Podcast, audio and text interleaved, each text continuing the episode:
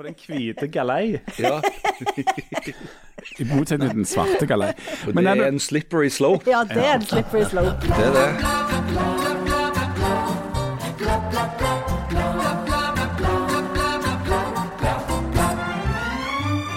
Trenger vi å se 22. juli-terroristen sin forklaring live på TV?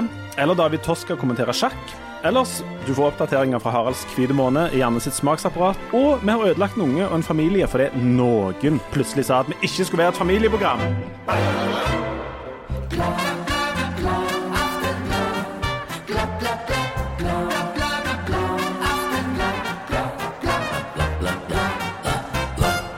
Hjertelig velkommen til Aftenbladet. Eh, Janne, du drikker kaffe akkurat nå. Eh, eh, Kjente du smaken på kaffe? Det som jeg kan fortelle med min smaksløk du har bare én, ja. Det er en Den ene som fortsatt virker. er at han kommer og går veldig. Oh, ja. Så det er midt i et måltid så kan jeg bare kjenne Eller en slurk av kaffekaffen, så kan jeg kjenne bare en sånn smakseksplosjon. Og da kjenner jeg så godt at jeg lever. Hvorfor sa du kaffekoffen? Ja, for du sa er kaffekoffen. Kaffekoffen. Er det òg en ting med korona? Det som er at du Det er veldig mange rare Ja. symptomer, og det mener jeg. Sånn, plutselig får jeg kjempevondt i beina. Så det er kjempevondt. Ja. Men det at du hvor- Det er veldig han set- rart. Han setter seg, han setter seg av i konsonantene, korona. Spesielt omikronen. Rett i konsonantene. Delta var med meg på vokalene. Ja, det er det. Og så er det hypofysen, da. Don't get me started. Ja. Kjenner du hypofysen òg? Ikke snakk om hypofysen. Men, Hva er det egentlig hypofysen jeg, jeg, bru- Hva bruker vi den til? Trenger man? ja, i helgene. Å ja. Det er mye. Ja. Men du Harald, har du, du har jo gjerne gjenoppdaget en del konsonanter i din hvite måned. Dette med diksjon og sånn. Nei, altså nei eh, jeg, jeg skulle ønske at jeg hadde noe positivt å melde eh, om dette med Du har å vel noe å melde om det, i hvert fall. Ja. Ja. Men, men det er ikke så veldig Altså, alle så Jeg leste jo sånne saker For de har jo alltid det rett etter nyttår, når alle angrer på alt det fæle de har gjort. Så er det jo masse sånne saker i avisene om, om ja, folk som liksom har en hvit måned, eller slutter å drikke eller spise, eller hva det nå slutter med. Og, og du vil ikke tro alle de fantastiske tingene som skjer hvis du bare liksom eh, har en hvit måned. Ja vel? Men du, jeg, jeg, kan, jeg kan si en ting. Fordi jeg vet ikke om du er kjent med uttrykket 'den største glede en kan ha, det er å gjøre andre glad'. Og eh, Det lærte vi alltid når vi eh, hadde sånn morsdag og farsdag og sånt. Ja. Eh, og, og da var det sånn at eh, nå i helga så var eh, kona mi og meg herregud, åt er det det på restaurant. Og da, Det var en slags hvit kveld, for vi hadde enormt med mengder forskjellige typer hvitvin. Og det som var eh, og ja, så Den største gleden jeg kan ha, det er å gjøre andre glad. Og så er det det med at en delt glede, det er jo en dobbel glede. Så der satt vi og fikk mesk oss med masse godt i, i, på fat, men ikke minst i glasset. Og for hver ny rett og hvert nytt glass, og jeg skal love dere det var mange nye retter og mange nye glass, så lagde vi en snap som vi sendte til Harald, der vi forklarte hva denne vinen var vi hadde fått i glasset nå. Og så kom jeg med forslag til hva han kunne drikke. Så når vi fikk champagne, da foreslo jeg f.eks. at han kunne ta en kopp te. Og det Og ga champagnebrus. Ja, champagnebrus, men det var helt til slutt det var til den, den søte avslutningen. Når vi fikk en, en, en, en ungarsk uh, søt en, en Tokai. Til slutt så foreslo jeg at nå kunne han drikke brus. For det er jo en litt sånn søt avslutning på måltidet. Og jeg må si, jeg vil, jeg vil takke deg. Jeg vil si at denne hvite månen den har gitt ekstra glede til flere av oss andre. Uh, så nå blir du nok glad, Harald. Ja, jeg ble kjempeglad når dere satt og sendte meg de der filmene hele kvelden. Det var kjempekjekt, kan du tro. Fulgte, fulgte du denne drikkemenyforslaget Ikke i det hele tatt. Men det Jeg svarte med korte banneord på alle, alle filmene jeg fikk tilsendt. Og av og til noen sånne driter, altså sånne som hadde litt lange bæsjer. Uh, ja. Sånne Sånne emojier, håper jeg. Emojier, ja. ja ikke, ikke, Ja, Nei, det er familieprogram, dette. tross alt. Ja, nei da. Så Nei da, det- men det, det, det er ikke så mye positivt å melde foreløpig. Men hvis jeg skal Altså, jeg kan jo se Det føles faktisk som om jeg sover litt bedre. Ja, det er jo noe. Den, den skal jeg ha. Og så er det jo, selv om du ikke kjenner det så veldig, så er det jo um, Altså, kroppen din har jo godt av det. Har han jo egentlig det? De sier så. Hvem da? Er det de samme som lagde det uttrykket jernbruket?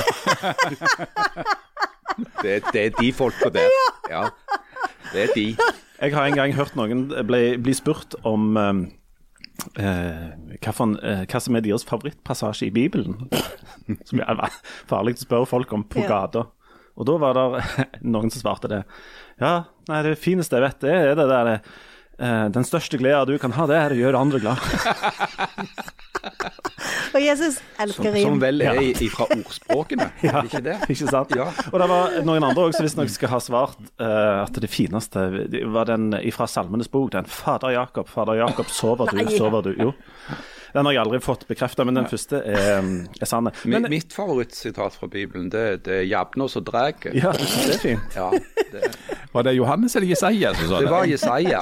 Jan har jo et ekte Meg og Jan har jo samme Ja, favorittvers i og jeg husker aldri hva det er. Det er noe med fiskene. Luk, Lukas 24, 12. Nei, 2442. 24, 42. Da må du kunne vite hvor det er plassert.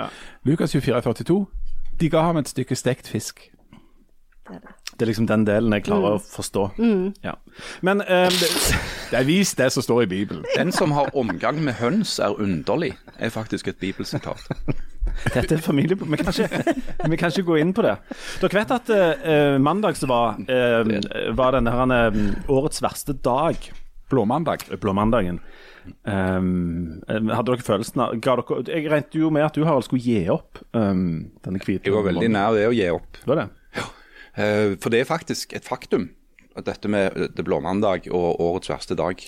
Ja, eller er det det? Det jeg har den lest meg opp, det er den som ligger bak oss. Ja. Men jeg har lest meg opp på denne årets verste dag, um, som jo er um, uh, angivelig en britiske psykolog som har uh, regna seg fram til at det er den mest deprimerende dagen, fordi at det da alt går imot oss. Været, uh, gjeld Altså, du, har, du, du går tom for penger etter jul. Um, det er langt til lønn for veldig mange. Du gir opp Du gjør nyttårsforsettet. nyttårsforsetter, og alt det kjekke øh, med julen er over og sånt. Og så viser det seg da at dette her ble lagt til for eh, noen reiseselskap. Fordi at det de fant ut, var at når er du mest tilbøyelig til å bestille deg en litt for dyr tur til sommeren? Det er når du er på ditt laveste. Når du er blakk. Ja. Når du har det som verst, så, tar, finn, så strekker du deg etter kredittkort, og så bestiller du sydentur. Eh, så det Jo, er det, det, det, det, trenger jo ikke, det trenger jo ikke være feil for det om de har utnytta dette faktumet i, i en reklame. Nei. Det er nok en litt høna egg Ja, det er jo på diskusjon. en Men, måte det. men, men det, er der, det er der denne årets verste dag kom ifra.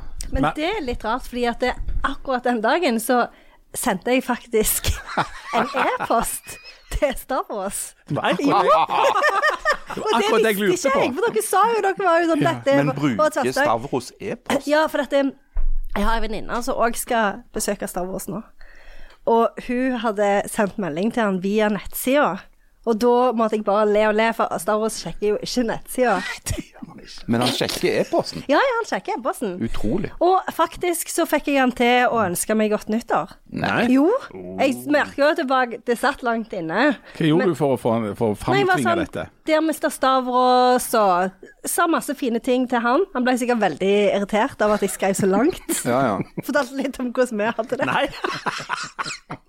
Han ville jo bare vite når dere kommer, og når dere drar. Kna, helst det siste. Ja. How Men much? så var liksom sånn Yes, it is uh, available. Eh, altså at han skrev ned datoene. Mm, Best wishes for 2022. Gjorde du dette på mandag? Han skrev det. Det skrev de jo på mandag. Var du langt nede når du gjorde det?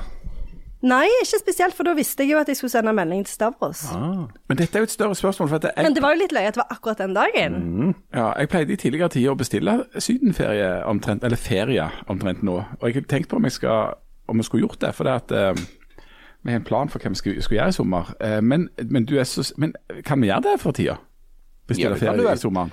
Ja, Vi har sittet og bala med dette faktisk denne uka. Så også, der, ja! Selvfølgelig. Blåmandag. Eh, og har vel funnet ut at det er bare én måte å løse dette på, eller to måter. Det ene er å si at eh, nei, det blir inget. Eller så må du bare lukke øynene og eh, satse litt og gamble, må du ikke det? Hvorfor er det at det ikke blir noe? Er det fordi at eh, dere er redd for å tape pengene hvis det blir stengt? Har du vært til stede i Norge og i verden de to siste årene? Ja, jeg var jo nettopp i. London. Det har skjedd, ja. Og hvordan, og hvordan gikk det? Men det er vel fortsatt sånn at du på en måte får pengene igjen, eller noe sånt? er det Nei. det? Nei, for det Nei, er det du du får ikke gjør. det. Er det slutt? Ja, Nei, for, det ja, er for, for, for det, nå er det ikke sånn uventa merkelige ting som dukker opp, at det kommer et virus f.eks. Nå finnes viruset, og, og, og hvis du bestiller nå, så er det med den risikoen oh, ja. innkalkulert på deg sjøl. Og med mindre eh, staten, altså eh, Jonas Gahr Støre og de, bestemmer at de vil advare folk mot å reise til et område, så er det du som står med, med ansvaret. Og det, det er jo det med Hvis det kommer en eller annen slags ny sånn killermutant fra Belgia eller Roltedal eller et eller annet, eh, hva du gjør da? Eh, men eh, altså, vi er veldig nærme å lukke øynene og bare satse Så på det går an tryggeste det er altså bare å dra til Balestrand eller Hattfjelldal eller, eller noe sånt? Har du vært i Balestrand og Hattfjelldal? Jeg har hørt historier, og det høres Jeg har vært i Balestrand, men jeg, jeg kan ikke, Jo, kan ikke lyge på meg at jeg har vært i Hattfjelldal. Nei, OK. Jeg var lei av norgesferie i april 2020. I ungdommen. Jeg elsker norgensferie. Er Norgensferie. Norges, norgensferie syns jeg er den beste ferien. Når det setter seg i konsonantene på han òg. Ja. Men jeg tror kanskje jeg har blitt litt korona. Tror du det? Ja. Det tror jeg òg. Men da er det ikke jeg som har smitta deg, for nå er det altfor lenge siden. Ja, for jeg har- jeg har litt sånn at jeg har korona i øynene, sånn som du hadde. Jeg har jo det litt ennå, ser du det? Jeg ser det. Ja. Og jeg òg. Og jeg tror jeg har fått av deg, Janne. Antakelig. Ja. det er ikke så Det er den slikkinga deres. Det er ikke vanlig. Det er ikke, det er ikke vanlig. Så det der greiene med når du, når du sa at nå kan vi begynne å slikke hverandre i øynene og sånn igjen, det skulle du ikke sagt. aldri gjort det. For jeg er veldig lett å lokke til sånt. Det går sikkert bra, Harald. Det gjør jo aldri det. Jeg syns i hvert fall at alle burde bestille ferie så fort som mulig. Fordi at nå må vi lære oss å leve med coviden. Vi kan ikke vinne over den. Og den største gleden Det å Det har gjøre vært covid et glad. annerledes år. Så bestill ferie. Der kom den brannfakkelen òg. Å, herlighet. Eh, Du Ja, kan ja. tune inn til denne podkasten, og så får du bare livsvisdommen servert. Ja. Vi, skal, vi skal snart fortelle om Å. at vi mulig... Jeg har jo òg en anbefaling på et tidspunkt. Har du det? Jeg har muligens òg en. Jeg, Har du det? Og den skal jeg anbefale blindt. For, jeg har ikke vært gjennom den sjøl, men vi skal komme tilbake til det. Og uh, at vi har faktisk har ødelagt en, en unge. og det, det det beklager vi jo selvfølgelig. Ja. Uh, og så har eh, Jan Kommer litt an på ungen, da. Vi har ødelagt en unge, men Jan har redda en mann. Ja, nettopp det. Ja, Så da går det opp i null. nemlig. Men, men, men før det så tenkte vi at i denne hyggelige eh, familiepodkasten at vi skulle snakke litt om eh, terrorisme og bankran. For det er jo òg trivelige temas, ikke sant? Ai, ai, ai, ai. Få noe av det. For du, eh, Harald, bortsett fra å um, ha, antageligvis ha korona, så sitter du og følger denne rettssaken um, ifra eh, Hvor er det? Telemark? Skien? Telemark fengsel i Skien. Um, hvorfor er det en rettssak Eller hvorfor er det en um, oppgjør i retten der nå? Det er jo fordi at eh, eh, Anders Behring Breivik, eller eh, Fjortolf Hansen, som han da av en eller annen grunn kaller seg, han har nå sont ti år av den forvaringsdommen på eh, 21 som han fikk da etter, etter terrorangrepet 22.07. Og en forvaringsdom innebærer at Det er jo egentlig en tidsuavgrensa straff. Og så sier reglene at når du da har sont ti år av en sånn straff, så har du rett til å begjære deg prøveløslatt. Og det er det den retten han da har benytta seg av. Eh, så Derfor så er det satt av tre dager til en eh, rettslig behandling i eh, fengselet. Grunnen til at det er i fengselet, er jo da sikkerhetshensyn. Gymsalen i Skien fengsel, hvor da denne mannen får da vurdert sin begjæring om å bli prøveløslatt. Og hvorfor skal mediene dekke dette? Han kommer jo ikke til å bli prøveløslatt. Um, så hvorfor skal vi drive og um, følge dette minutt for minutt? Ja, det, altså Nå har jo mediene valgt veldig forskjellige strategier når det gjelder dette med å følge det minutt for minutt. Eh, det som er det faktiske her, det er at eh, NTB på vegne av alle norske medier har en livefeed fra rettssalen. Eh, så er det jo opp til det enkelte medium da, eh, å vurdere hvor mye av dette de ønsker å, eh, å vise. Eh, hvorvidt de ønsker å vise det direkte og uredigert, det er det vel omtrent ingen medier som har, har gjort. Eh, eller om de ønsker å vise eh, utdrag og klipp som er journalistisk bearbeida på en eller annen måte. Jeg tror, jeg tror, saksopplysning, jeg tror faktisk ikke det går an å vise det direkte i betydningen. helt direkte. Altså, det er en viss det ligger en forsinkelse. 30 sekunds forsinkelse, sånn at hvis det skulle skje noe, så er det mulighet for å stoppe det. sånn at det Ja. går, det går uansett ikke helt sånn. Nei. Men, men de som Altså, det betyr jo at mediehus og journalister som f.eks. meg, da, kan, uh, kan sitte og se på en, en live-feed fra rettssalen som er i samtid, hvor alt kommer fram. Uh, og grunnen til at dette her er av offentlig interesse, tenker jeg, det er at uh, denne mannen har utført den verste terrorhandlingen, eller verste angrepet mot det norske demokratiet i fredstid. Eh, derfor så har det veldig stor interesse òg hvordan han blir behandla av det systemet han angrep, tenker jeg. Eh, og jeg har tenkt og skrevet at noe av det aller i gåseøyne fineste med det oppgjøret, det originale oppgjøret, altså når han ble stilt for retten etter angrepet i 2011, det var at han ble behandla med den, det alvoret og de rammene og den respekten som vårt rettssystem gir til absolutt alle. Eh, Sånn at det, det systemet som han ville ødelegge og angripe, og som han forakter, behandler han på en måte som jeg tenker er det beste svaret han kan få. Nemlig at eh, du får den straffen du fortjener. Du får de rettighetene. Du får en forsvarer. Du får anledning til å føre saken din. Du kan få, til og med få lov å, å snakke i retten. Vi skal høre på deg, og så skal vi dømme deg.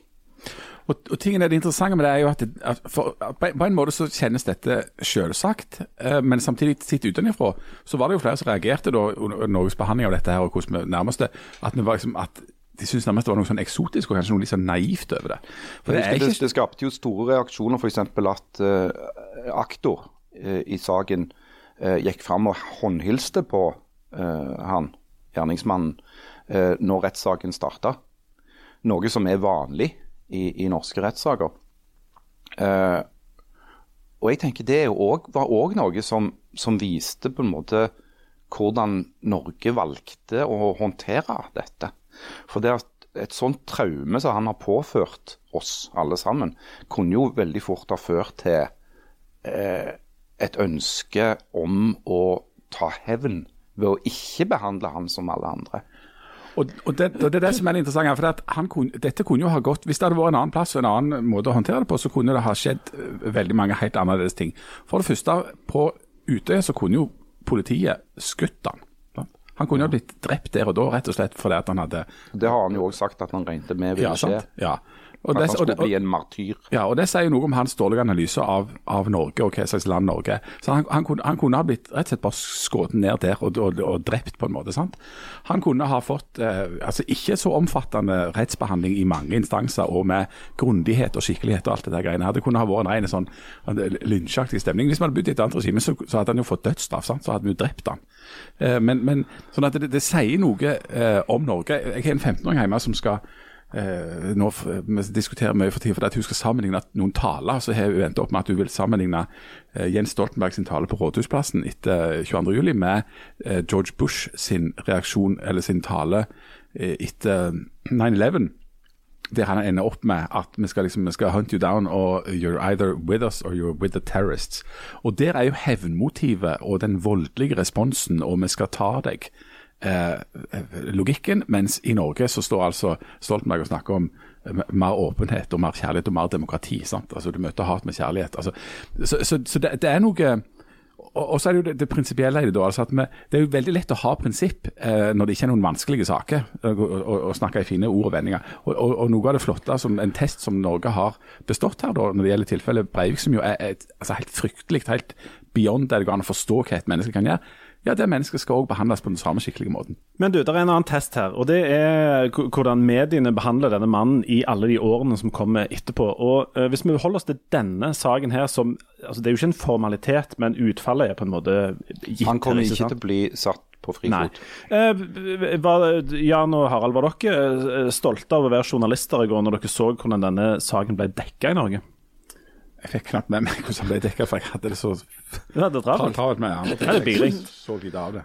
Altså, min tanke er at eh, jeg syns at noen eh, norske medier eh, gikk litt for langt i å på en måte promotere at du nå kunne få se Breivik og høre han.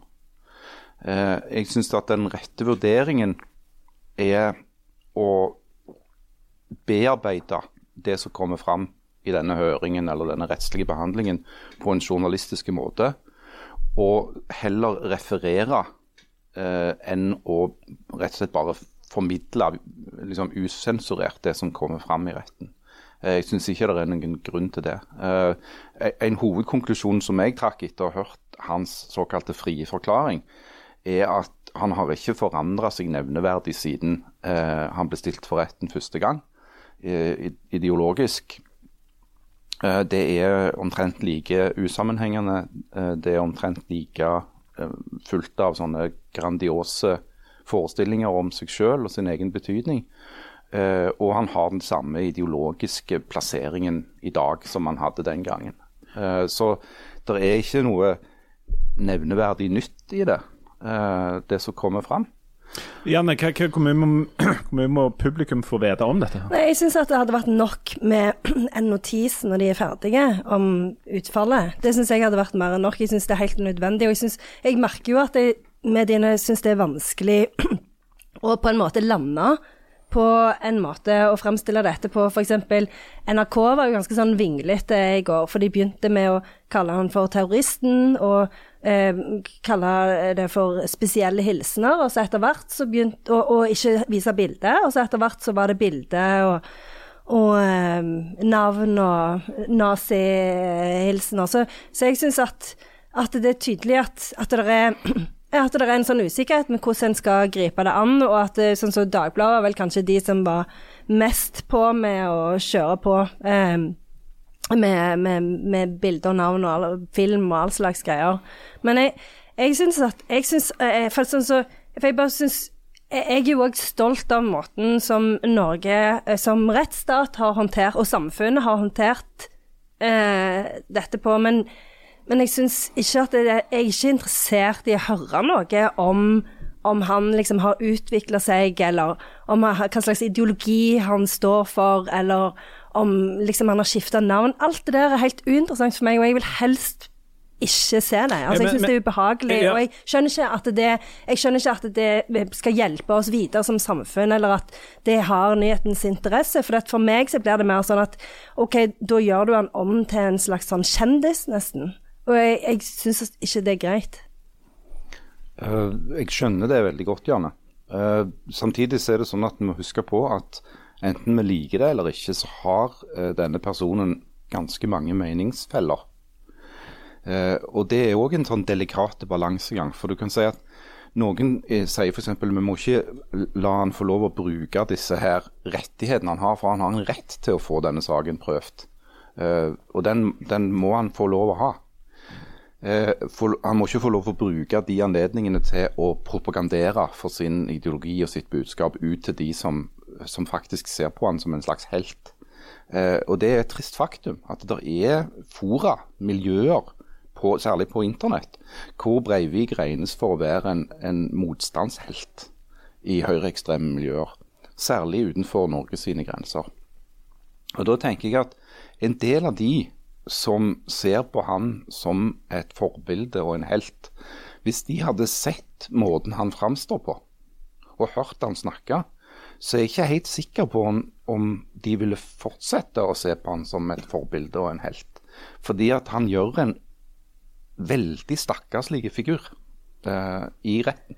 Men- Men, men er det en god nok grunn til å vise det fram? For det, jeg er ikke imot at han skal få testa saken sin og alt det der. Han skal jo selvfølgelig ha de samme eh, rettighetene som alle andre innbyggere i dette landet, men jeg skjønner ikke at det er god nok grunn til å vise den. sånn. Så jeg orker ikke å se på nyhetene. Nei, altså, jeg orker ikke ikke sier, å se på noen aviser eller så, noen så, ting. så syns jeg måten Aftenbladet har håndtert dette på, er, er grei. Sånn, for vi, vi kjører ikke noe sending fra retten.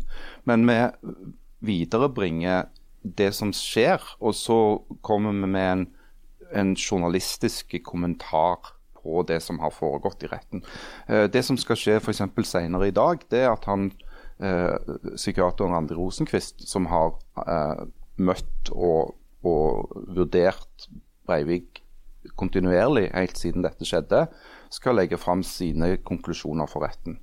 Så, og Det går jo på om han er, er, er rehabilitert på en måte som, som gjør at han, de kan vurdere å, å løslate han. Og Det er jo interessant, for det er, en, det er jo det som er det grunnlaget retten skal fatte sin beslutning på. Jeg mener at, at det har nyhetenes interesse. Altså, det er jo et trist faktum at dette da faktisk har skjedd. og, og altså, Vi skulle jo alle ha vært der foruten, og han skulle ha vært ukjent for oss alle. Men nå når det da faktisk har skjedd, så er det det største traumet dette landet har blitt påført, si krigen. Mm. Eh, og Det har en nasjonal interesse, og det har en på en måte historisk interesse. Og en del av bearbeidelsen er bearbeidelsen i rettssystemet, som altså har noen sånne formelle eh, jo... et, etapper. Og da, og da mener jeg at vi i, i, pressen ikke kan la være å forholde oss til det. Uh, det er mulig at det kunne vært notis, men, men, men jeg, det vil også vært å spille det ned. og så så, så jeg, jeg, jeg syns det er rett at pressen dekker det, men, men, men, det kan skje med ulike former for eleganse. Uh, og, og, Dilemmaet her er jo at det, denne mannen har et uttalt mål om mediedekning. Ja. Og mediedekning er kanskje maks av det han kan oppnå. sant? Um, og, og, på en måte så blir jo mediene altså Det er mange som, som med en litt sånn veldig enkel eh, medieanalyse sier at ja, media er nyttige idioter fordi at vi ser han og hører han. Um, og der er det jo et eh, po, altså Det er jo et poeng, men samtidig så er det jo en hel haug med ting som eh, må være i mediene som både er ubehagelig og der folk vil være i mediene av ulike grunner og sånt. Og så, altså, hva gjør vi med det? Han har jo en rett til rettssak, men han har jo ingen rett til å bli sendt live på verken Dagbladet eller TV 2. Nei, han har ikke det. Uh, altså Hvor fristende det enn måtte være å tenke at du bare kunne låse denne mannen inne og hive nøkkelen og slippe å tenke mer på den. Håper han er låst inne sånn på jabben. er det mye. Ja, men altså at vi kunne på en måte bare fjerne ja, ja. på en måte fra, fra uh, offentligheten en gang for alle, så er ikke det en luksus vi kan unne oss for at han har disse rettighetene. Uh, og Det er det ene poenget. og Det andre poenget er at uh, vi må ikke glemme at det tankegodset som Breivik representerer, det fins fortsatt. hos skremmende mange, òg i Norge. Eh, jeg tror ikke det går en uke i de mørkeste krokene av kommentarfeltene i forskjellige grupper hvor, hvor ikke en eller annen person sier at uh, han hadde jo mye rett. Det var kanskje litt tvilsomme metoder, men han hadde liksom rett i det, det han kjemper for. Og Jeg Men, tror, ikke, tror, ikke, du skal så veldig langt ut heller. Altså, I går blokkerte jeg eh, to stykker på Facebook, folk jeg ikke kjenner, men som jeg sånn tilfeldigvis har blitt venner med, der begge klarte å lage en slags sånn hestesko av at uh, det er Arbeiderpartiet sin skyld at vi ikke har drept denne mannen i fengsel. Hm. Ja, det er mye rart der ute. Uh, og, og, den eneste måten vi kan komme det i møte på, mener jeg da, det er å faktisk konfrontere det. Og da er han og hans fortelling, og fortellingen om hvordan han har blitt behandla av det landet han angrep, er ganske viktig. Men jeg, jeg, skjønner ikke hvorfor Jeg skjønner ikke hvorfor det er det som er jeg skjønner ikke hvorfor det er viktig i den sammenhengen. For da tenker jeg det må jo være viktigere å heller prøve å analysere hvor, altså, hvordan har disse strømningene oppstått. Hva, hva, slags miljø er det han kommer fra? Eh, hva slags miljø er dette her? Hvordan kan vi eh, hindre at eh, folk blir radikalisert på den måten? Altså, er ikke det viktigere enn å liksom klistre han opp på å gi han medietid, gi han den plattformen som du snakker om, Harald, og, og, og, og vise bilder av han i mediene i 2022. Altså, det skjønner jeg ikke er Altså, jeg ser jo hva du sier, Jan, um, men, men, men, jeg syns likevel at det, alt, at det blir gitt altfor mye plass, og at det ikke jeg kan ikke se liksom, at det skal føre til noe positivt for samfunnet at han får så mye plass. Jeg tror ikke plass. det er noen i dette podkastrommet som er uenig i at det er uheldig å på en måte vise han fram, hvis poenget er å vise han fram. Hvis poenget er å få folk til å klikke på en lenke på en nettavis, eh, så er det et dårlig poeng. Hvis poenget med å vise prosessen mot Breivik eh, er å minne om at det han representerte, fortsatt fins, eh, så har det et aktverdig formål. Og så er det jo, Vi er jo òg i det der dilemmaet, Jan, at når folk i, går var det enormt mange meldinger om som slo fast at media gjør sånn, media gjør sånn og media gjør sånn. Og det er eh, altså Vi som f.eks. jobber i Stavanger Aftenblad, vi må jo forholde oss til hva Stavanger Aftenblad gjør. Men alle der ute må jo forholde seg til den totale mengden. Eh, hva Aftenblad gjør, hva Aftenposten gjør, hva VG, Dagbladet, NRK og TV 2. Og når du først har vært inne og sett en plass irritert deg, så går du til neste, så irriterer du deg der. Og så er det en sånn runddans. Og til slutt ender du opp i Dagbladet, som i går så ut som et sirkus som var satt fyr på, og der du kunne velge Ja, ja, men det, der du kunne velge mellom på en måte de, de 13 øverste eh, Breivik-sakene som virka og det må jeg si, Da var jeg, eh, da var jeg ikke stolt på, yrke, altså på vårt yrkes vegne. Men Nei, jeg syns òg Dagbladet gikk altfor langt. ja, og, og, og de hadde òg den der tanken om at ja, vi skal sitte altså på 30 sekunds forsinkelse så skal vi sitte og kunne gjøre en journalistisk vurdering av på en måte det som skjer. Det klarer du ikke.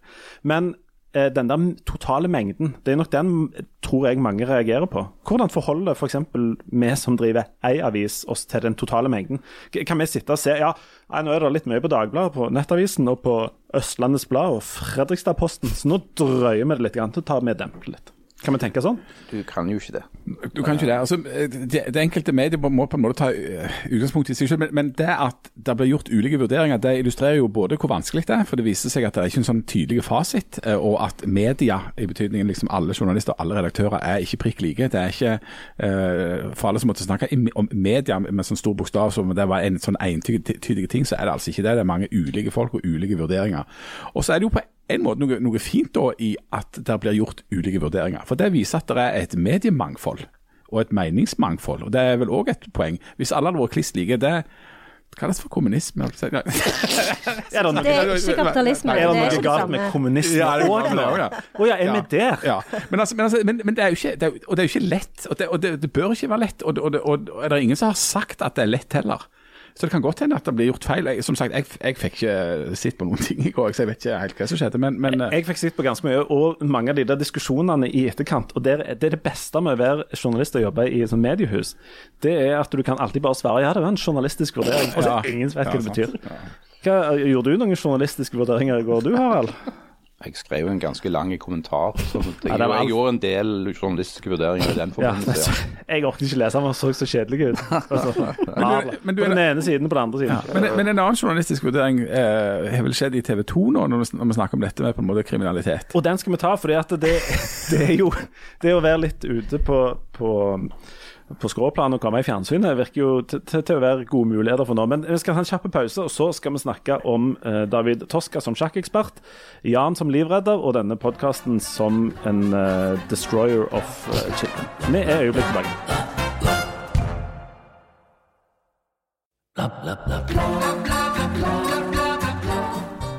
Og hjertelig velkommen eh, tilbake. Eh, før vi hopper på Tosca, eh, du ser ut som en mann som trenger litt skrøyt, Jan. Det kan du si. Ja. Jeg kom jo veldig, veldig veldig dårlig ut på det der billedarket vi fikk sist. Ekstremt dårlig. Smørbukk, tenker du på? Smørbukk. Og dessuten så ga du alle oss andre i- istedenfor julekort, fordi at du slurva jo med julekortet, så fikk vi et, heft, et slags heft, litt tjukt hefte av deg til jul. Så viste det seg eh, at du hadde skrevet sjøl. Et slags eh, bok av noe slag som eh, med, Opp med hånda de som har fyrt i peisen med den. Ja. To- Han Tre brant, stykker, han brant veldig dårlig. Han brant elendig. Ja. Det er det der limet de bruker. Det, det er limet, Ja. altså. Ja. Men for jeg tenkte. For jeg, jeg er jo en sånn en, en rause type. Som, som eh, Ja, det beste du kan gjøre. Ja, Det største og- og glede du kan ha, det- jeg kan ha, det gjør andre glad. Ja. Så mens andre kanskje sender av gårde eh, noe, noe papir et, et, et, et, Noe litt sånn noen, Et cent, noen kvadratcentimeter med noe ark, et ark kanskje, eller noe sånn stivt papir, sånn pappkartong der det står 'Merry Christmas', eller og så er det noen halvstygge bilder av deg sjøl. Så ga jo jeg jeg liker godt hele boka. Ja. Så mange, mange, flere hundre sider med åndsverk og, og, og viktige tanker til dere. Og vi snakket om, om denne debutboka mi, da, så jeg eh, hadde noe liggende i noe restopplag oppe på loftet. Så dere fikk da eh, sommerfugleffekter, turistsalisk lade Ja, jeg husker ikke hva det heter, men det var et eller annet sånt. Ja. um, og så har vi da uh, oppretta e-post uh, Ja. nå. og Det er jo viser seg å være lettere, vel så lett å sende eh, e-post til bladblad.aftenblad.no som det er å drive og sende disse postkort og slikke på et eh, frimerke og alt dette. Og vi har fått uh, opptil flere eh, e-poster, annet har vi da altså fått en ifra en som heter Ole Andreas. og han viser det seg Han skriver jo selvsagt altså til kjære Janne og de. Nå ble du glad, Janne. Mhm. um, han, han eh, det, er mye, det, er mye, det er flere ting som er felles der. Det viser seg at, eh, at denne Ole Andreas han bor i London, din favorittby. Han hadde, eh, Der bor han, og der holder han på. Eh, Har vi lyttere i utlandet? Ja, lyttere i Det er stas. Og, og, for, og det har vi fått tilbakemelding fra De Vi har altså fått internett i utlandet. Har de det?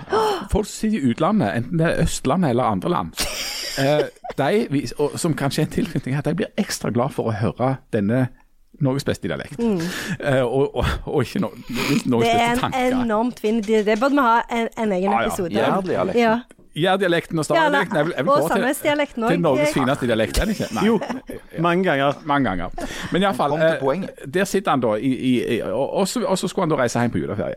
Men så eh, har det vært noe smitte og noe omikron og noe drit og lort der borte, så han drev og testa seg, og testa seg hver dag for å være helt bombesikker. Og på dag fem, eller hva det var for noe, da var det full klaff. Da hadde han fått dette. Så han havna i karantene gjennom absolutt hele julesesongen. Stakkar. Ja.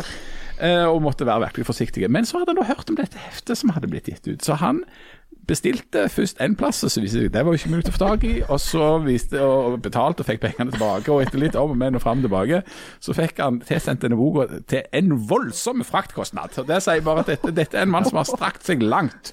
Fire ganger så mye for frakten som for boka. Ja, ja noe sånt. Eh, Så her er det en som virkelig står på. Og så, men så kommer det da altså skryte Du må lese slutten. Få høre, da. Ja, altså Slutten, ja. Det er det nest siste, da. Ja. Ehm, ja. Slutten helt til slutt, ja. Nei, du kan velge sjøl. ja. Nei, men skal vi se, altså Nei, hvor jeg skal begynne å lese fra dette her, da? Uh, ja. I takt med Altså, ja, ja. Årets julegave var på plass da, altså før julaften. I takt med at smak og luktesans gradvis forsvant, sørga likevel turistsal og hans glade beretning for at det var lett å holde motet oppe gjennom isolasjonen. Så kjære Jan Nå sitter uh, Leif Tore spyr inn i munnen sin her. Uh, så kjære Jan, sammen med de daglige telefonsamtalene med kjæresten i Stavanger, har du og boken din stått for julens definitive høydepunkt for min del. Isolasjonsjulen hadde vært tristere uten deg. Ah, Så utrolig fin! Ah, nå er jeg altså fylt med sånn en enorm glede. Um, En mann som bare skrøt av folk. Ja. en mann som bare skrøt av folk, han, han, har skrytt altså til Det er jo da altså Jan og de, det har han jo skrytt voldsomt til. Og så skrøt han, han er vel innom Harald, og så er det et PS. Ja. Innom. Ja, jeg, jeg klarer Du er nevnt. Ja, det må ble bare være glad til. Jeg er ikke nevnt engang. PS. I likhet med alle andre har jeg visst unnlatt å nevne Leif Tore. Nå. Beklager til Hommersåk, men det får være straffen for at jeg ikke ble veldig fornøyd med et intervju du gjorde med meg i forbindelse med en konsert på Metropolis for mange ti år siden. Å, husker Ja. du det? Ja, og det kan jeg bare si til, til Ole der, at det var fordi at du er så elendig. Å, så onde du er! Treng, treng, trenger ikke skrive inn mer. Jeg håper den koronaen sitter lenge i. Nei, stay strong, Stay strong. Så sender jeg neste bøkene mine. Han skrev vel òg at uh, dette smak, lukt, smak og luktegreiene kommer tilbake igjen eh, Eller han hadde hatt uh, og det kom tilbake igjen etter sånn ti dager. Å ja? Men ikke hvis du har long covid, sånn som Janne har. Nei. Jeg har ikke long, jeg har late. Du, Harald, bare sånn at du ikke skal bli sur her. Altså, Jeg eh, jeg satte særlig pris på episoden i november der Harald snakket med stor innlevelse om veier i Suldal i over en halvtime. For min del kan dere godt ha enda flere segmenter der Harald doserer om såkalt kjedelige tema fra lokale og regionale nyheter. Ja, ja, ja. ja, ja. Det, det egentlig var jo det en fast spalte når jeg skulle snakke og informativt og underholde noen kjedelige ting. Det kan vi fort, det kan vi fort uh, opplive igjen, ja. Ja, kanskje vi skal gjennom, gjeninnføre den spalten? Ja, Skal vi det? ja, ja, ja. Å, gøy.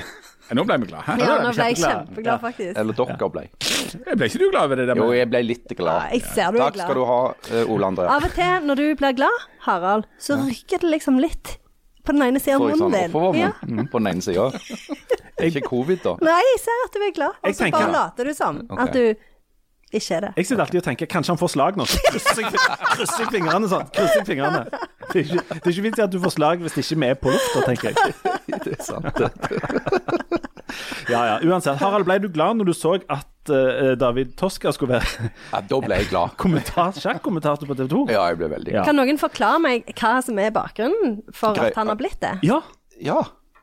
For det har ikke jeg fått Altså, jeg Dette jeg, Jeg stiller meg undrende til. TV 2 og NRK driver litt sånn og, og, og sender sjakk litt sånn annenhver, og har en litt sånn intern konkurranse tror jeg, om å lage de mest eh, populære sjakksendingene. Og eh, NRK har hatt en eh, sitt, sitt sjakkstudio er, består ofte av folk som eh, kan sjakk, eh, noen som snakker veldig høyt og fort, programleder med veldig løgndialekt, og så har de en, eh, en gjest eh, ifra, som gjerne har vært med i et NRK-program eller noe sånt, som sitter og snakker om at ja, jeg, jeg En, gje- en gjest som ofte er en slags kjendis, Ja. Eller, eller oh, ja. TV-personlighet, eller rett og slett bare en kollega som Ja. de fant i kantina, som ikke hadde noe å gjøre på den dagen. Men det er noen som er interessert i sjakk, eller er det bare ja, eller sånn- som later som de er okay. det. Mm. Og som er sånn Ja, jeg er ikke så veldig god på sjakk, men jeg har hørt om hest. Eller lignende. Ja, det er mye forskjellig. Greia er at Ja. NRK har invitert kjente folk. TV 2 har prøvd seg på en litt mer sånn reinskåren linje, der de har med eh, folk som er ekstremt gode i sjakk. Eh, Lahlum, eh, Hammer. Hammer og sånn. Og når de nå skulle sende denne Tata Steel-turneringa, så inviterte de David Toska. Og det som er med David Toska, er jo at han i ungdommen var en lovende sjakkspiller. Og uh, så kom han jo litt ut på skråplanet og ble uh, dømt til 18 år 18 års fengsel. etter Nokas-ranet. Eh, tok opp igjen sjakkinteressen i fengselet. Eh, har kommet til å spille en del sjakk, og er blant Norges eh, 500 500 beste, spillere. Det vil si at det er ganske mange som er bedre enn David Toske sjakk. Og TV 2 har ikke noen tradisjon for å ta inn sånne kjendiser. De tar inn sånne sjakkeksperter. Um, men nå tok de inn uh, David Toska. Ja. Og så eh, skal jo vi da uh, forholde oss til dette her. Og det er en ganske, eh, synes jeg er en ganske interessant diskusjon, fordi at uh, folk diskuterer jo to helt forskjellige ting. De diskuterer David Toska, og de diskuterer uh, David Toska som ekspert, eller det som TV 2 retter til gjest uh, på TV. Så, Harald, ja. Hva skal vi synes om det? Hvorfor ser du på meg nå? Ja. Jo, eh, jeg har mistanke om at du muligens kan ha hatt en finger med i spillet når Aftenbladet skrev en leder om at dette var topp stemning. Og siden du, sitter, og siden du sitter med noen fingre i været akkurat nå, så kan det jo være et slags tegn på et eller annet. Ja. Ja, Om du er altså sånn fuck you, så du sender til meg. Nei, det er den veien. Ja, men jeg så jo du Den veien er mer sånn victory. Ja, OK. Ja. Nei, ja. Ja. Uh, jeg vet, hva spurte du om? Spurte du om noe? Uh, ja, jeg, jeg spurte om hva, hva skal vi, hva skal vi uh, synes om at TV 2 inviterer David Toska som først sjakkekspert, men senere gjest. Ja, TV 2 inviterte garantert David Toska som gjest med tanke på at det ville skape litt blest om sjakksendingene til TV 2, vil jeg tro. Det må ha vært en redaksjonell vurdering. En redaksjonell Det er en vurdering. journalist, journalistisk vurdering. Journalistisk vurdering. Og TV 2 har jo selv sagt at det var en tabbe å si at han var invitert som ekspert. For det, du har jo helt rett i at det er en haug med folk i Norge som har mer greier på sjakk enn eh, David Toska. Blant annet eh, han som er fast ekspertkommentator i studio, Jon Ludvig Hammer, som er stormester i sjakk og en av Norges beste. Eh, så det er åpenbart at Toska ikke ble invitert i studio for å være ekspert. Men han er en over gjennomsnittet interessert Uh, altså sjakkinteressert person, da, uh, som har, uh, som har Han har mer peiling på sjakk enn jeg vil tippe 99,5% av Norges befolkning. Men han har mindre greier på sjakk enn 499 andre som TV 2 neppe har vurdert. TV 2 har invitert han fordi han er kjent for å ha planlagt gjennomført Nokas-ranet. Så de har brukt kjendisen, altså Nokas-kjendisen David Toska for å skape blest om sine sjakksendinger. Og det, Ja. Er det greit, eller er det ikke greit? Det vil jeg si er det, altså det, det vil det sikkert være for, veldig forskjellige meninger om. Ja, ting, ting i den siste uka tyder på at det er mange ulike syn på dette. Ja, Noen syns det er et mange syns at det er usmakelig av TV 2 å bruke David Toska sin eh, tvilsomme berømmelse eh, som en dømt bankraner, og som òg medskyldig i drapet på en politimann, eh, for å skape blest om sine sendinger. Janne, er det dette, du liker jo kjendiser. Er det denne type, det denne type kjendiser um, vi, skal, vi skal ha? Nei, jeg syns ikke det. Jeg synes jo det er jo, Hvis du eh, slår på definisjonen av kjendis, så er det jo eh, Kjendis er jo noe som mediene skaper. Det er mediene som skaper kjendiser. Så mediene har jo et ansvar der. Hva slags kjendiser vil de skape? Jeg husker første gang jeg ble overgitt det. Det var uh, I når, livet? Ja, ja. Det var når hun uh, Anne mm, Åh, Hva heter Anne mm, Nå er jeg så spent. Eh, ikke, ikke Lindmo, men hun, hun som hadde det der Grosvold. talk- Grosvold, ja. Intervju, eller hadde eh, Veronica Orderud som gjest i sitt talkshow i beste sendetid Ja. på NRK. Eh, og det er jo litt eh, eh, eh, i den samme tradisjonen som det TV 2 gjør nå, og jeg syns ikke det er greit. Men jeg har altså sett på disse sjakksendingene jeg- så sent som i går, eh, hvor da David Toska er med. Eh, han eh, Det er ikke spesielt eh, flamboyante greier vi snakker om her. Han sitter helt i ro i en stol eh, med litt dårlig holdning og snakker litt om sjakk. Eh, på et relativt marginalt TV-program på TV2 Sport. Sånn at Det er jo ikke akkurat sånn at han har blitt løfta fram på den eh, største arenaen TV 2 kan tilby. Nei. Nei. og så er det jo sånn, det må jeg få lov å si, at eh, altså, det, er- det er ikke noe altså, prinsipielt eh, gale med at en person som er dømt for en forbrytelse, og som har sona straffen sin, på en måte i gåsehøyden vender tilbake til samfunnet og til og med syns. Nei, det er jo strå, egentlig strålende. Ja, altså det, det er jo faktisk et mål med hele strafferettspleien i dette landet at du skal bli rehabilitert og kunne komme deg tilbake igjen i samfunnet. Og det har Toska, tross det forferdelige han er dømt for. Eh, Altså planleggingen og gjennomføringen av et væpna ran som kosta et menneskeliv. Så har han gjort ting med livet sitt som tross alt ikke er så halvgale. Altså Han har tatt uh, utdanning i fengselet, han har fått seg en god jobb. Uh, og han etter alle solemerker har skjøtta seg relativt vel. Han har òg sona fullt ut. Uh, altså Dommen på 18 år. Han satt 13 år, det er helt vanlig i Norge. to tredjedeler. Uh, sånn at han har jo virkelig Han har blitt straffa for det han har gjort. Han har sont. Sånn sett så er det ingenting Altså Han tenker jeg har ikke gjort noe galt. De som eventuelt har gjort en feilvurdering, er TV 2, som jeg er nokså sikker på har tenkt at dette sensasjonelle ved Tosca er noe som kan skaffe oppmerksomhet rundt sendingen. De kan få flere til å se på, og da kan de tjene mer penger på reklame. Eh, nå hører det jo med til historien at en av sponsorene til dette sjakkprogrammet, eh, som faktisk var et inkassoselskap, eh, trakk, trakk jo støtten sin eh, eh, pga. at Tosca var der, da. Og nå er det ingen som vet hvor de sponsorpengene er hen.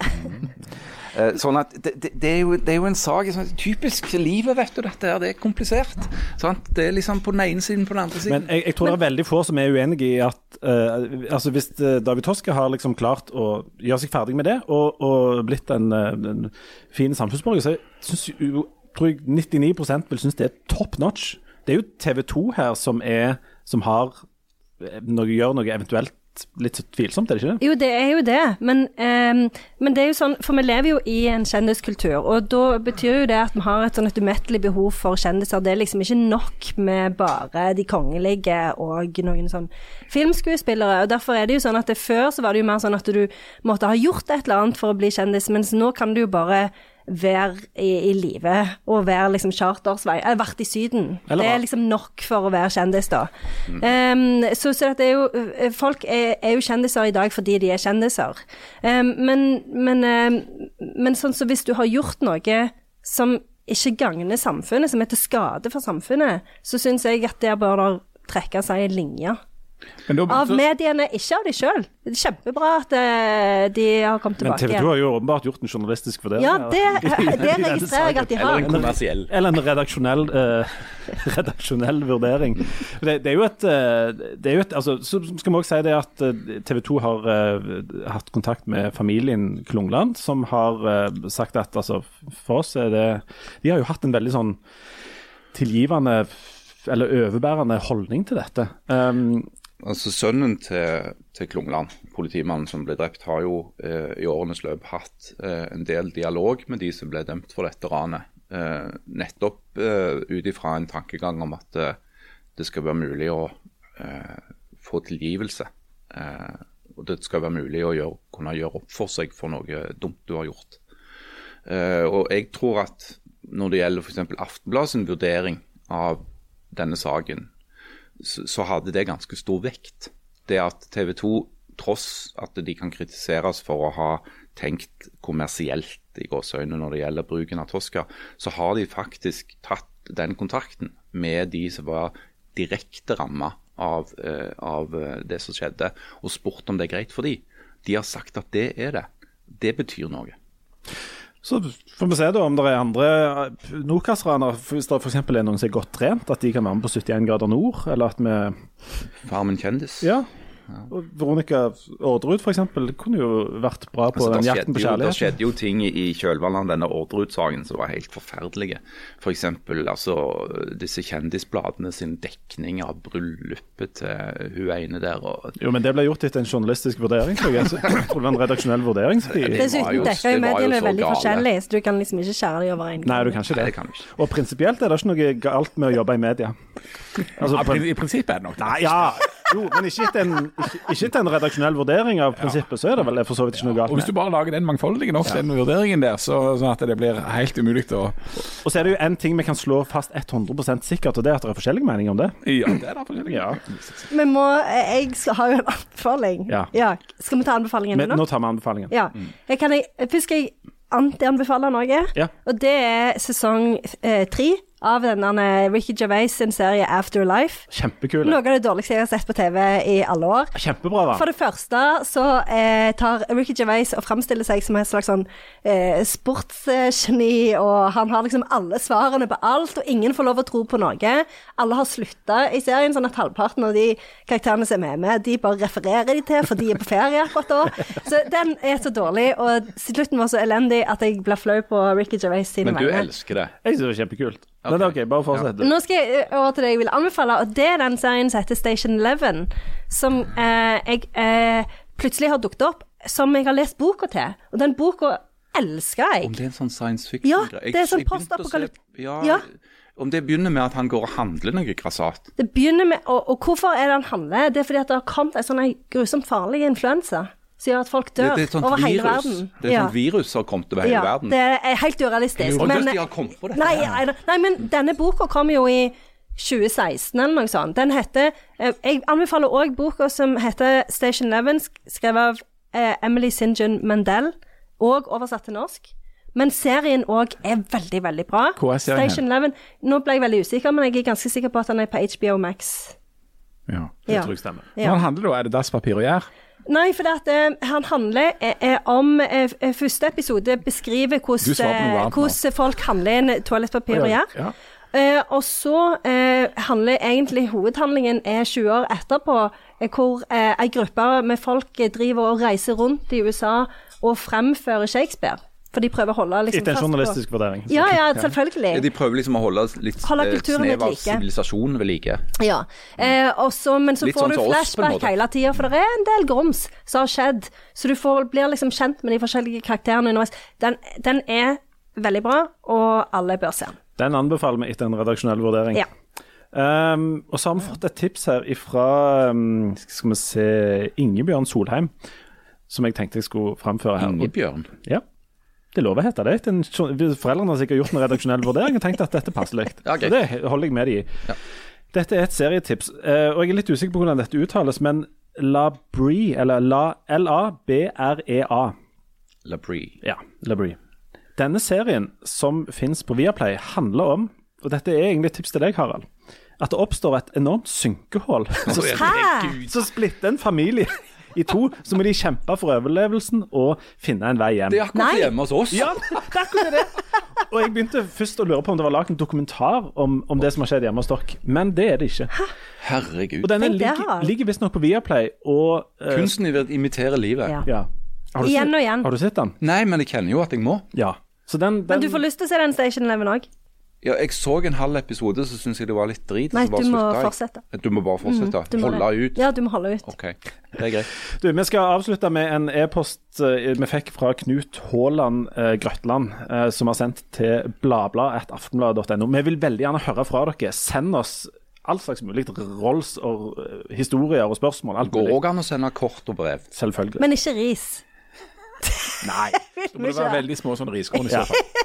Vil helst ha ros. Ja, Arborio-ris Vi vil helst ha skrøyt og løgne historier. Men eh, for et par eh, Dette var vel rett etter jul, så eh, kom jeg i skade for å fortelle at vi hadde fått en jul, litt spesiell julepresang. Et spill som består av noen kort som du skal eh, lese og forklare. Og der det står eh, noen ord. Jeg skal ikke forklare hele spillet, men eh, noen av, eh, det viste seg at vi hadde kjøpt voksenversjonen, ikke familieversjon.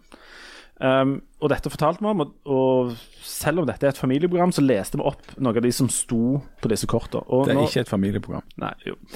Ikke nå lenger. Uh, Men vi har fått, uh, vi fikk nettopp tilsendt en video av en unge som danser og synger en kjekk uh, sang som ungen har lagd. Eh, og det ungen synger er Vi skal ikke, skal ikke legge dette ut til spott og spe for den ungen, men ungen synger en sang der teksten er 'Finger i rumpa og banandusj'. Finger i rumpa, banandusj, finger Og dette ble jeg litt nysgjerrig. Så, og Knut Haaland Grøtland forteller altså Altså Han er på vei til hytta med ungene sovende i baksetet. Eller han tror ungene sover i baksetet. Og så skriver han om podkasten. Denne ble spilt av rundt Dirdal. Og lenge trodde vi det hadde gått baksetehus forbi. Men opp forbi Burkjedal eskalerte det plutselig voldsomt. Da vi kom til Hundedalen, vurderte jeg å kjøre av veien i selvforsvar. Ungen har altså sittet bak og fått med seg dette svineriet framført av et familieprogram. Det er ikke et familieprogram. Han skriver videre. Vi fikk roet ned situasjonen, trodde vi, og i alle fall fått korrigert fra analdusj til banandusj. Men fem minutter etter at vi var kommet opp på hytta til svigers, fulgte de små opp med gode to timer med fengende sang, innøvd dans og det hele. Så vi har altså fått en unge til å, å lage en dans som, etter, som har vart lenge. Finger i rumpa-dansen. Ja. Ja. Til glede for nye lyttere. Når søndagsmiddagen i går ble det framført igjen. Og eh, stakkars Knut forventer nå at barnehagen snart kobler inn barnevernet. Han har hatt ei uke med denne på repeat. Og jeg må bare si det, Knut. Jeg, jeg syns det er strålende at du i alle fall har fått, eh, fått eh, moderert det til banandusj. Og vi legger oss flate. Nei, vi har tatt en redaksjonell vurdering. Akkurat det vi har. Altså, det jeg mener er motto, det er den største glede du kan, jeg kan ha, der, er andre glad.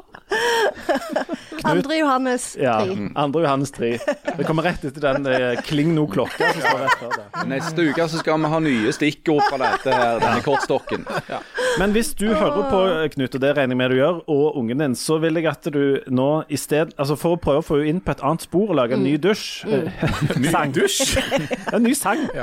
Så, så håper vi at uh, du nå bare kan spille om igjen og om igjen uh, at Jan avslutter denne podkasten med å si disse vakre ordene om det, den største gleda, og så vi å få henne inn på et nytt spor. Så vi avslutter med at Jan messer dette ordspråket som han sjøl har skrevet i boka si fra Sør-Afrika, eller hvor det var. Vær så god, Jan. Den største gleda jeg kan ha, det er å gjøre andre glad. Største glede du kan ha, er å gjøre andre glade. Kan jeg ta en? Største glede smelten kan ha, er gjøre andre glad. Smelten rann utover som en, en enorm glede som fester seg til kroppen, inn i sjela, og setter seg der så han gikk ut og ropte et forfengt hurra. Jeg tror heller jeg ville hørt denne fingeren i rumpa banandusj. Nei, nå sa du det igjen! Ta en redaksjonell vurdering og se om vi skal stryke det. Eller ikke. var at, eh, nei jo. Jeg Vi er nødt til å avslutte nå. Ja. Ja. Ha det!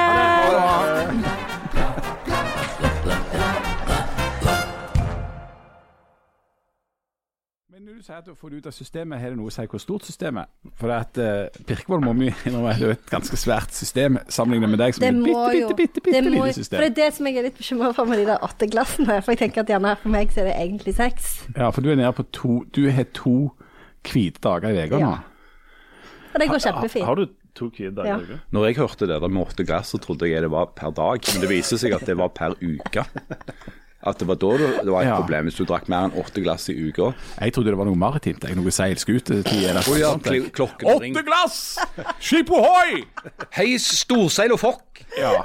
Jeg vet ikke hva det betyr, men eh, det høres veldig maritimt de, ut. de avslutter alltid med skip ohoi. Skip ohoi, ja. Lår nedre klyver.